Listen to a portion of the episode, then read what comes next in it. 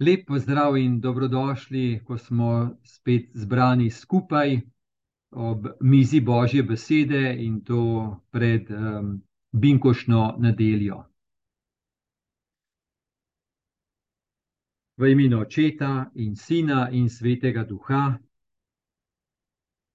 Ko smo zbrani pred Binkošno nedeljo z odlomkom, ki nam govori o Svetem Duhu, te sedaj priporočimo Svetemu Duhu, da bomo lahko, da bomo znali biti v moči Svetega Duha s to Božjo besedo.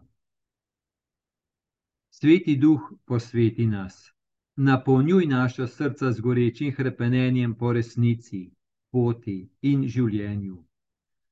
Užgi v nas svoj ogenj, da ob njem tudi sami postanemo luč, ki sveti greje in to laži.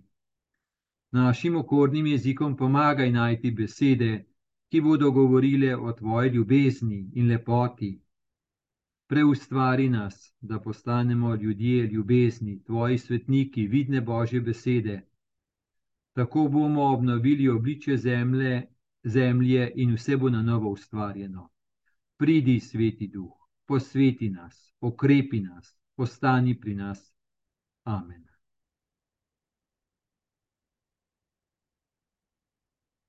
Odlomek, ki nam je dan za binkošni, binkošno nedeljo, ki je pred nami, je iz Janezovega evangelija 20. poglavje, vrstica od 19 do 23. Pod noč tistega dne, prvega v tednu, ko so bila vrata tam, kjer so se učenci zadrževali, iz strahu pred ljudmi zaklenjena, je prišel Jezus, stopil med nje in jim rekel: Mir vam bodi. In ko je to rekel, jim je pokazal roke in stran. Učenci so se razveselili, ko so videli Gospoda.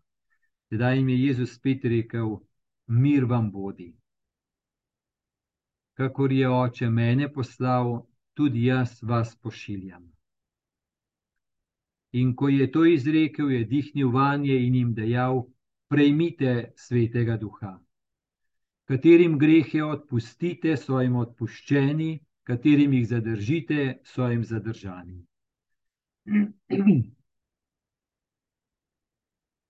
No, najprej kakšno besedo, ko tako imamo pred seboj ta odlomek, najprej to, se lahko spomnimo, da je bil ta odlomek že na veliko noč, sicer daljši, temu sledi odlomek o apostolu Tomažu. No, in takrat smo dali več podaraka o Tomažu, danes pa na ta odlomek. Da smo ga pa že srečali, pa je.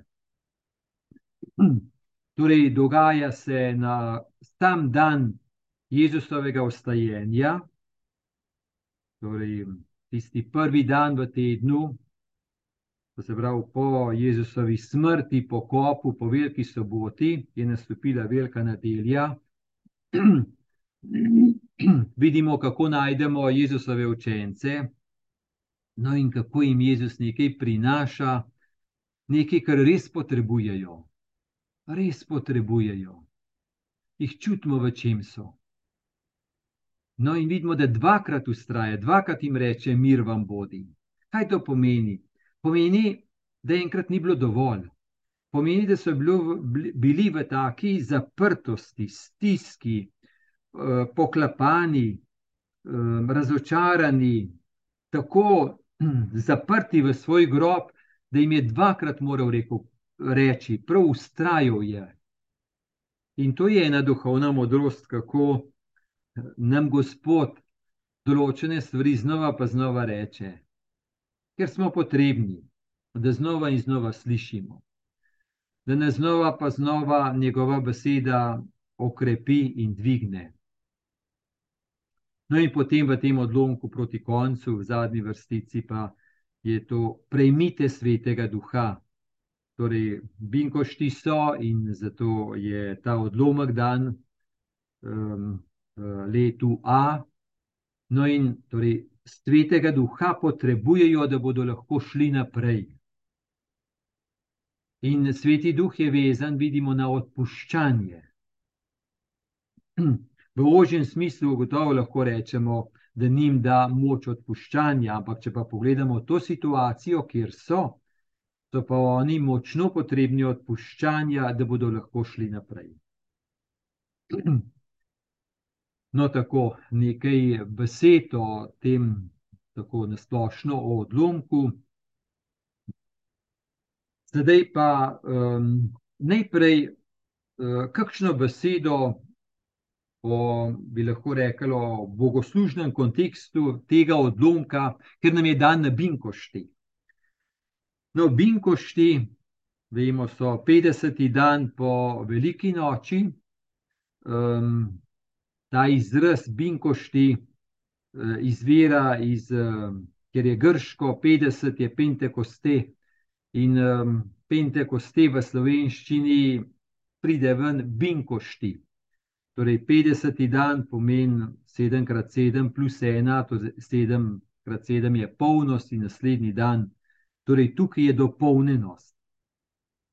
Torej, ni dopolnjenost že s tem, ko je Jezus na križu umrl, pa vso ljubezen dal. Tudi ni dopolnjenost že s tem, da je, um, je, da je nebeški oče Jezusa obudil od mrtvih, oziroma ga naprej od smrti poklical v svojo bližino, um, ampak je dopolnjenost na Binkošti, ko je dan sveti duh. Pravi, da so bili, oziroma najprej še to, da um, 50. dan um, to lahko najdemo pri um, v kakšnem drugem evangeliju, evangelistu, da je tako zapisal, eh, pri evangelistu Janezu pa kar malo drugače. On je pa že, pri njem je pa že to, da um, je dan učencem sveti duh že na, kar, na dan ustajenja, kot da ne bi bilo treba čakati 50 dni. Ampak ne gre zdaj za to, kdo ima prav, ali ima Janez, ali imajo sinoptiki. Sploh ne gre za to, gre za to, da imajo različne poudarke. In če je nekaterim evangelistom, naprimer um, Luku, njemu gre predvsej za ta vidik um, historiografski, kronološki, ima Janez druge poudarke, za to gre. Torej, evangeliji niso zdaj ena taka reportaža, kronološka, čim bolj natančna kronološka uh, reportaža, kaj se je dogajalo, ampak evangeliji so zato, da nam pomagajo iti v globino, da bi lahko zaslutili in bili popeljani v vsebino dogodkov, pomen dogodkov. In kako imajo vsi ti Jezusovi dogodki, odrešenski dogodki, pomen za nas, ker za to dejansko gre. Ne gre, da bi mi nekaj zunaj gledali, kaj se je dogajalo in hoteli imeti eno absolutno natančno kronološko razšlembo dogodkov, ampak da vse to, kar se je v Jezusu, po Jezusu, kar se je dogajalo, odrešenskega, da to postane odrešensko za nas. Za to gre.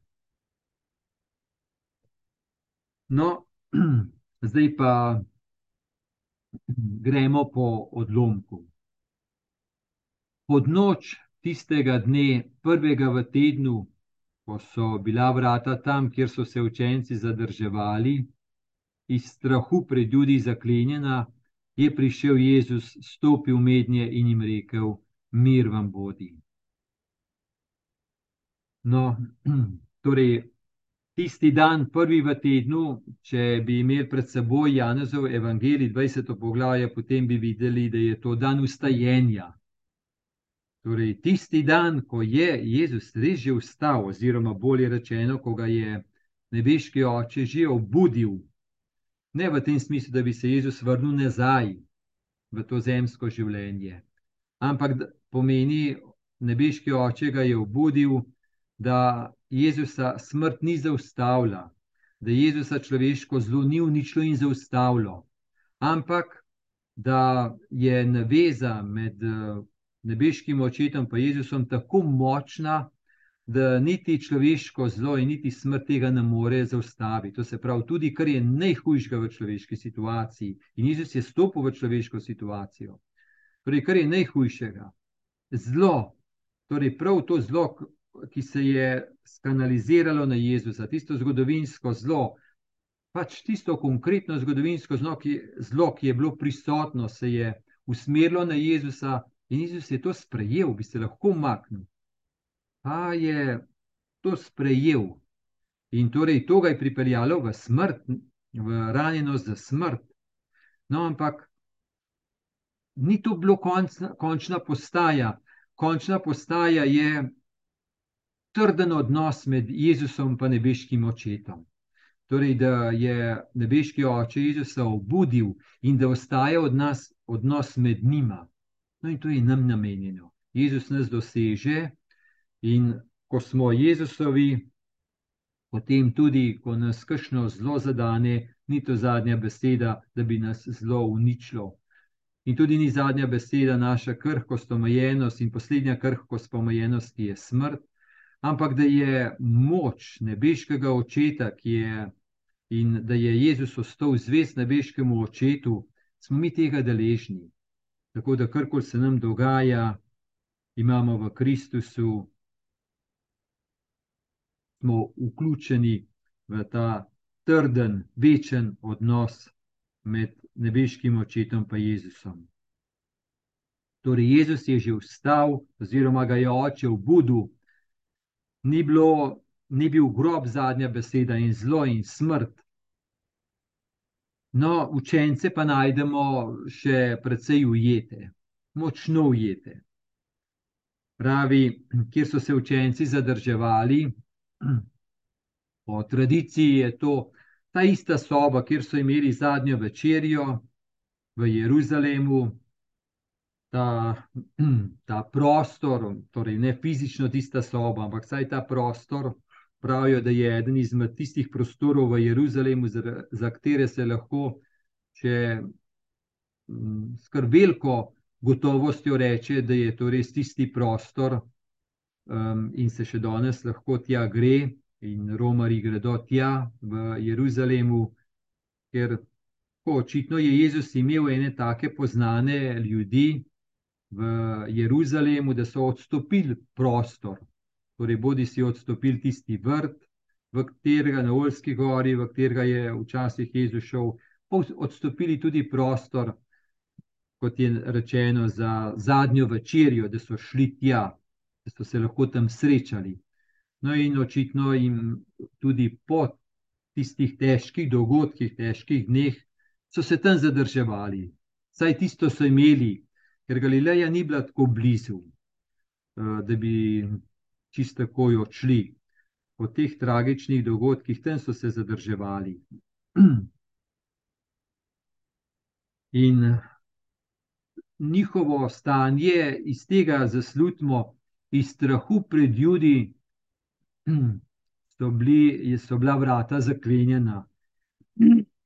Torej, to je tudi simbolna podoba, ne dobro, vrata. So konkretna vrata v ene sobe ali pa eh, hiše, ampak eh, gre pa tudi za simbolno, kaj pomeni, da so se tako nekako zaprli, um, da so bili tako prestrašeni, da so se tako zaprli.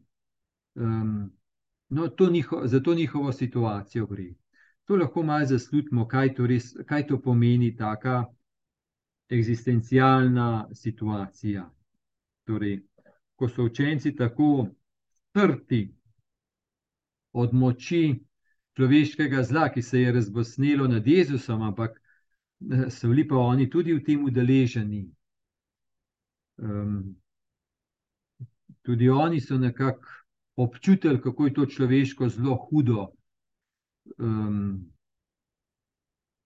ker vendarle, tudi če niso bili fizično vse čas z Jezusom, ampak so pa vendarle, tudi če so daleč gledali, dobro, apostol Janes je bil ob križu, drugi morda malo bolj oddaleč, ampak so pa občutili, kako je lahko to človeško zelo močno. In kakšno moč ima nad Božjim sinom, nad Božjo močjo. Torej, je bilo res težko. Obenem pa um, vsakdo od njih je tudi delal obračun s samim seboj, kako se je te prejšnje dni um, vedel do Jezusa. Torej, Jezus je vse prosil, bodite z menoj, pomagajte mi v Gedzemaniju. Ampak nekako niso zmogli, niso zmogli. In uh, vemo, da potem, ko je šlo za res, kako so ga zapustili. In to se pravi, vsakdo od teh Jezusovih učencev je bil tudi uh, nekako potovčen, um, nekako bi rekel, lahko v lastnem grobu enega lastnega neuspeha in poloma, da ni bil tak, kot naj bi bil, da ni bil tak, kot je verjel, da je sposoben. Torej, da ni tako, kot naj bi bilo. Um, no, in to tudi gotovo poznamo v naših življenjih, kaj to pomeni. Ena taka polomljenost, ko, ko, um, ko stvari ne gredo tako, kot smo upali in kot naj bi šle, oziroma ko mi nismo taki. Včasih gre to lahko res do takih kar um, intenzivnih, močnih doživljanj Včasih, na primer, kdo tako res reče, kot starš, reče: Ja, zdaj šele vidim, koliko napak sem naredil. Koliko napak sem naredil kot oče, koliko napak sem naredil kot, naredila kot mama. Uh, celo do očitanja, ja, tako so stvari, zaradi tega, ker sem tako, pa tako, pa tako ravnal, tako pa tako ravnala. No, včasih je tega obtoževanja in očitanja, da nismo dovolj dobro delali, da smo ga polomili, in tako naprej, včasih je res močno. Zato, ker človeška situacija je taka, da znova in znova najdemo ogromno krhkosti. In da potem pride skušnjava in reče: Ti si kriv. Če bi drugače naredil, pa bi bilo drugače, in tako naprej. Tako da to potem res lahko vodi v eno učitanje do konca do konca. Torej, ma, si predstavljamo te, te Jezusove učence, kako so bili in kako so oni, tako kot možakari, verjamem, ker možakari je nekaj do tega, vendarle, da ko, ko se treba boriti, um, postaviti, da, da, da, nekak, da se pokaže. In um, njim, Jezusovim učencem, torej v tisti kulturi, to nekaj se boriti. To ni bilo daleč, si so se kar naprej z Rimljani neki bodali. No, in da so nekako tako popustili, pa Jezusa popustili, torej res se znajdejo v eni zaprtosti, v enem grobu, iz katerega sami ven ne morejo. No, in pravi, da je Jezus stopil mednje, torej stopil mednje, pomeni, to vključuje tudi. Hm, Medsebojni odnosi je prav poudarek tudi na medsebojnih odnosih, mednje je stopil in jim rekel: Mir vam bodi. Um, torej, da je stopil mednje, to nas spominja na to, da uh, tudi odnosi med njimi niso bili več tako, kot so bili prej. In je razumljivo, da ni bilo več zaupanja med njimi. Ker ko je eden izmed njih postal izdajalec. In ko je govora o Judu, je res tako močno poudarjeno, Juda, eden izmed dvanajsterih. Torej, eden izmed tistih, ki jih je Jezus izbral, da bi bili z njim, da bi jim dal moč nad hudimi duhovi in da bi jih pošiljal. To se pravi, Juda, eden izmed dvanajsterih, eden izmed tistih, ki jih je Jezus izbral, je se je obrnil proti, čist proti, je postal izdajalec. Torej, potem, ko se to zgodi in ko eden tak postane, potem res ni nobena garancija več, da ne bi še kdo tak med njimi bil. In oni so bili torej, tam v strahu, ogroženi in so bili tudi v to odnosi med njimi torej zaznamovani z nezaupanjem. Ne? A tale je si uren, a ne. Kaj pa tale, ki gre zdaj nekaj ven nakupiti, a je sigurno, da gre sam nakupiti ali bo kaj drugega naredil. Torej, tudi odnosi med njimi so postali zaznamovani tem težkim, kar se je na Jezusa zvrnilo in na kakšen način, torej tudi na njih. No, in Jezus jim rekel: Mir vam bodi, pomeni v to njihovo situacijo, ki je polom, ki je razočaranje, ki je stiska, ki je nemoč, ki je negotovost.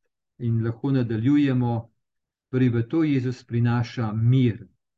S tem, da ta mir je šalom, ta mir je poln, šalom pomeni polnost. Ljudje se pozdravljajo na ta način, šalom, v soboto, šabat, šalom rečejo. Torej, pomeni ena polnost, um, ker mir bi lahko pomislili, da je samo mir kot, um, kot odsotnost vojne, ampak šalom je bolj polno, pomeni polnost, polno življenja, polnost odnosov, polnost božjega blagoslova, polnost, torej polnost. Ne? Sprav v to njihovo situacijo jim Gospod prinaša polnost. Ker on jo ima, ker njemu ni bila oduzeta. Torej, on je občutil, kaj pomeni človeško zlo in smrt.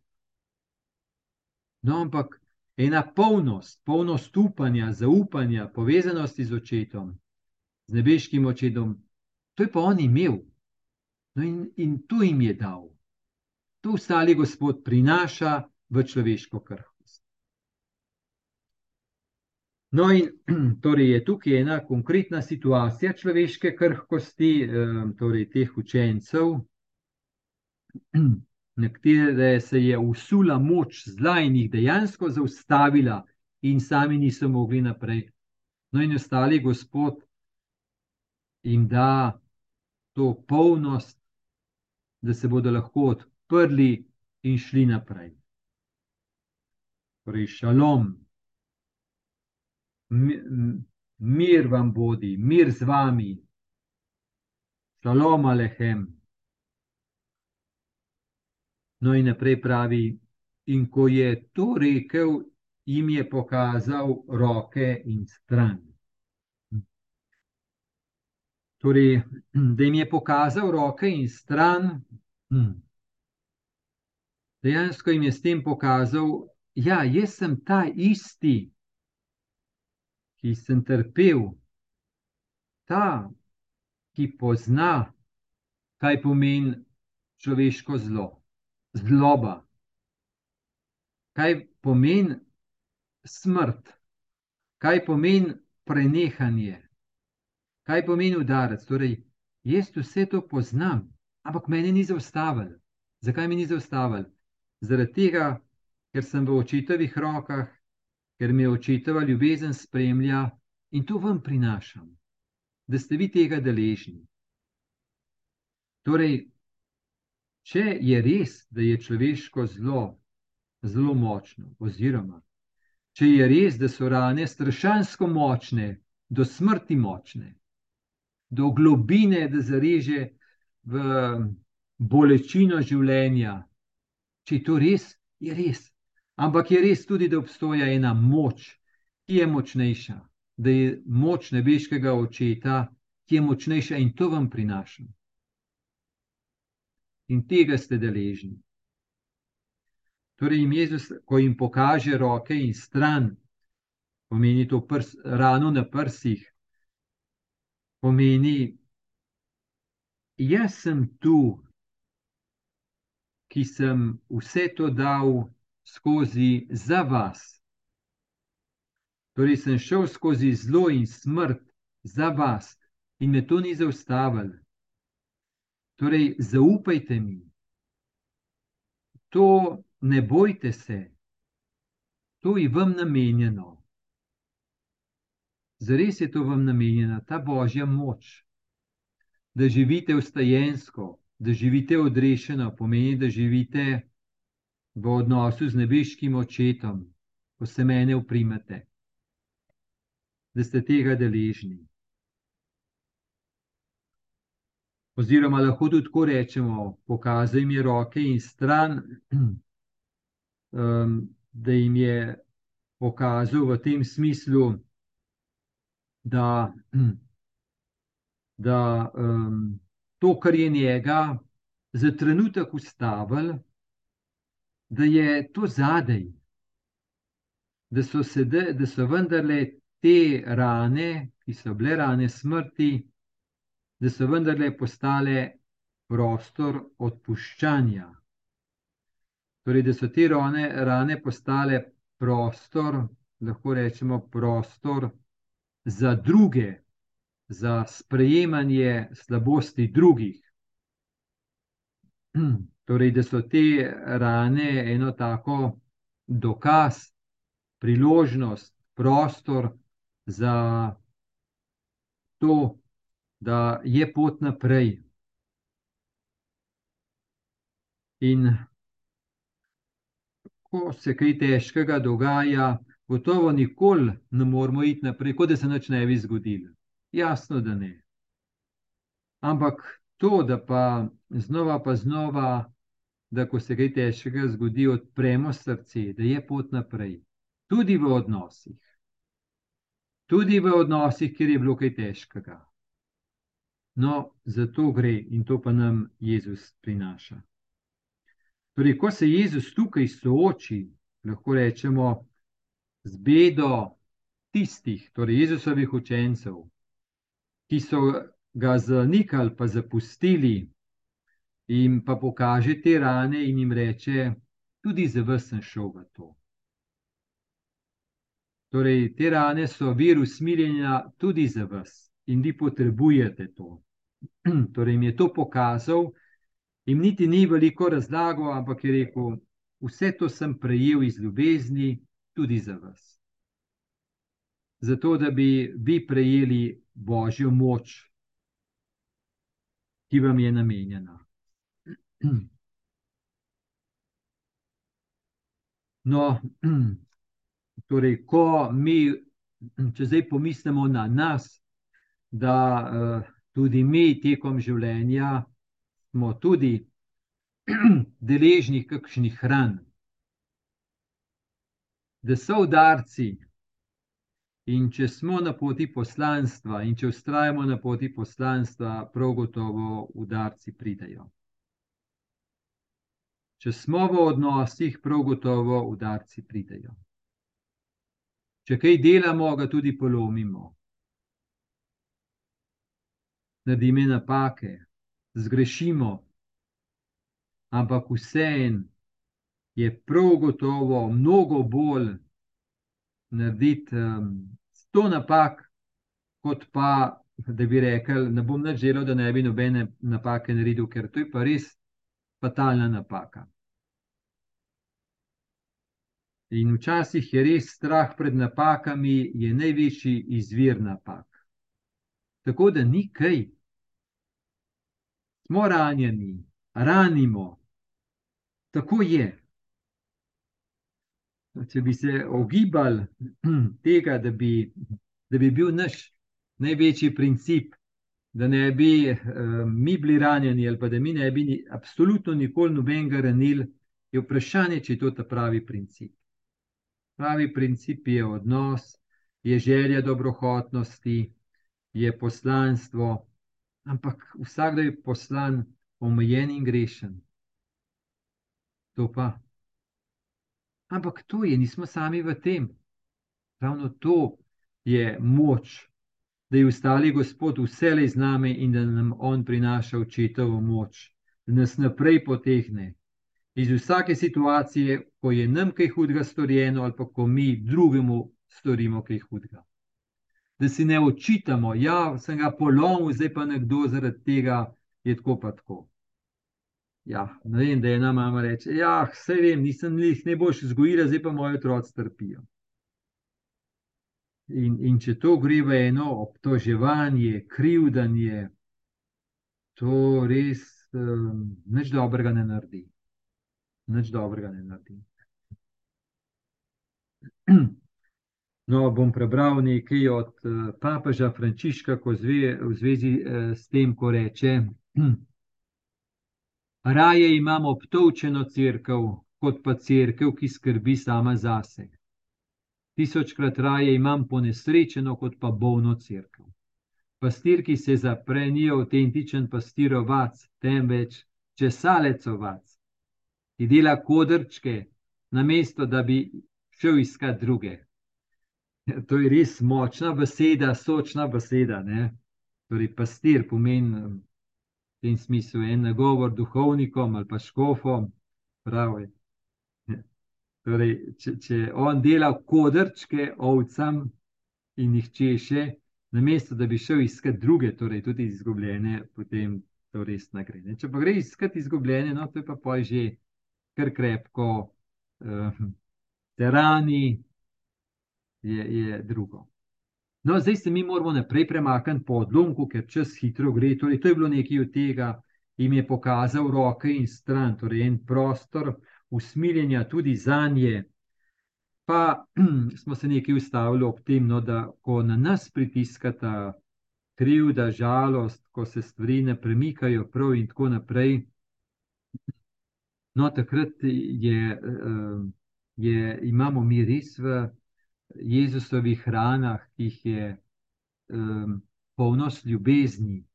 Torej, v Jezusovih hranah imamo, um, ki so bile iz ljubezni, in tam je prostor za vse nas. Ne vem, kdo mi je enkrat rekel, um, pa mi je kar ustal v spominu, prav ko je kaj zelo težkega. Jaz se kar v Jezusovo rano zatečem, kar noter se skrijem. No, naprej odlomek pravi: Učenci so se razveselili, ko so videli Gospoda. In to je res raz, razumljivo. Ne? Tedaj jim je Jezus spet rekel: Mir vam bodi, kakor je oče mene poslal, tudi jaz vas pošiljam. Torej, Jezus ustraja, mir vam bodi, polnost, polno življenja, moč za naprej. Torej, da je dvakrat rekel, ni brez veze rekel, pomeni, da so potrebovali pomeni, da prvič še niso dovolj slišali. Pomeni dvakrat, torej dvakrat pa, pa res drži. Potem pa naprej, kakor je oče mene poslal, tudi jaz vas pošiljam. Pomeni, torej oče je mene poslal, jaz sem zdaj to poslanstvo na svetu izpolnil, zdaj je pa na vas vrsta. Za to isto poslanstvo da če le čutite, prepoznavate še vedno, da je to moje poslanstvo odrešenstvo, da je vredno, da je dragoceno, da je očetovo, potem pa jaz vam to zaupam. Da to poslanstvo živite naprej, da nadaljujete moje poslanstvo. Ampak In ko je to izrekel, je dihnil vanje in jim dejal: Prejmite svetega duha, katerim grehe odpustite, so jim odpuščeni, katerim jih zadržite, so jim zadržani. Kaj to pomeni? Pomeni, jim ni rekel, no, zdaj smo mi končali, zdaj pa vi pojdite. Ampak pravi, je dihnil vanje in jim dal svetega duha. Pomeni, da so dobili moč da so dobili, da jim ni rekel, potrudite se, ampak da so dobili moč. Um, Zato gre, moč so dobili. Moč jim je dal, jih ni kar tako poslal. Dihnil vanje, to nas spominja na staro zavezo v prvi Mojzisovi knjigi, drugo poglavje, sedmo vrstico beremo tisto, da je Bog dihnil in je dal oživljajočega duha, torej stvarnik, svojim dihom ustvarja človekovo življenje, zdaj je pa tukaj odrešenik, ki uliva duha odrešenja, pomeni odrešenja, torej, da niti, niti človeško zlo in smrt ne bi uničilo človeka in to, za kar je človek ustvarjen. No, in um, je zelo ta, pomembno, ko pravi: Prejmite svetega duha, katerim grehe odpustite, so jim odpuščeni. Zdaj, tukaj ni zdaj samo vprašanje, torej, odpuščanje grehov, pri spovedi, da, da jim je Jezus to dal, ampak v tem smislu, da jim je rekel, um, vi potrebujete svetega duha, da boste šli naprej. Zdaj še posebej potrebujete svetega duha, da odpustite, da odpustite drug drugemu, da odpustite vsak samemu sebi. In um, poslanstvo odpuščanja, torej oče je dal meni poslanstvo odpuščanja, sedaj da vi to nadaljujete, poslanstvo odpuščanja. Da je to, tukaj Jezus reče učencem, ko jim da svetega duha, to je gotovo nam govori, da je vprašanje odpuščanja nekaj res temeljnega, ko gre za, za odrešenje, za Božje kraljestvo, za Božje življenje. In je tako, zaradi tega, ker Božje kraljestvo je vezano na občestvenost, je vezano na odnose in odnosov brez odpuščanja ni. Ker se tako zgodi, pridejo udarci in gre za to, da je pot naprej, pot v polnost, da je skozi odpuščanje. Lahko ostanemo v ječi, neodpuščanja, pravičniškosti, zamere in do konca zagovarjamo krivico mi naredil, krivico mi naredil, krivico mi naredil. Dobro, je res, ampak temeljno vprašanje je, aj pot naprej, oziroma a ni življenje ugrabljeno, če ostajam pri tem, torej, da mi je bilo narejena ena krivica, zdaj pa jaz to krivico sebi nadaljujem, da ne morem živeti. Tako da na tak ali pa drugačen način na vprašanje odpuščanja trčimo v življenju. In nam je dan sveti duh. In se lahko tudi ob tem ustavimo, prav v tem, torej, binkošti so. Se spominjamo, da Bog daje svetega duha, da nam je namenjen in da je v tem ena srčika in dopolnjenost odrešenja. In da smo potrebni odrešenja, odpustiti, pustiti kaj zadej in iti naprej. No, in um, se lahko ob tem povprašamo, kje smo v tem, pa se odpiramo temu daru svetega duha, ki je moč za odpuščanje, pravim tudi odpuščanje sebi, ne samo odpuščanje drugim. In naj vas vse spremlja Božji blagoslov, blagoslov Boga Očeta in Sina in Svetega Duha.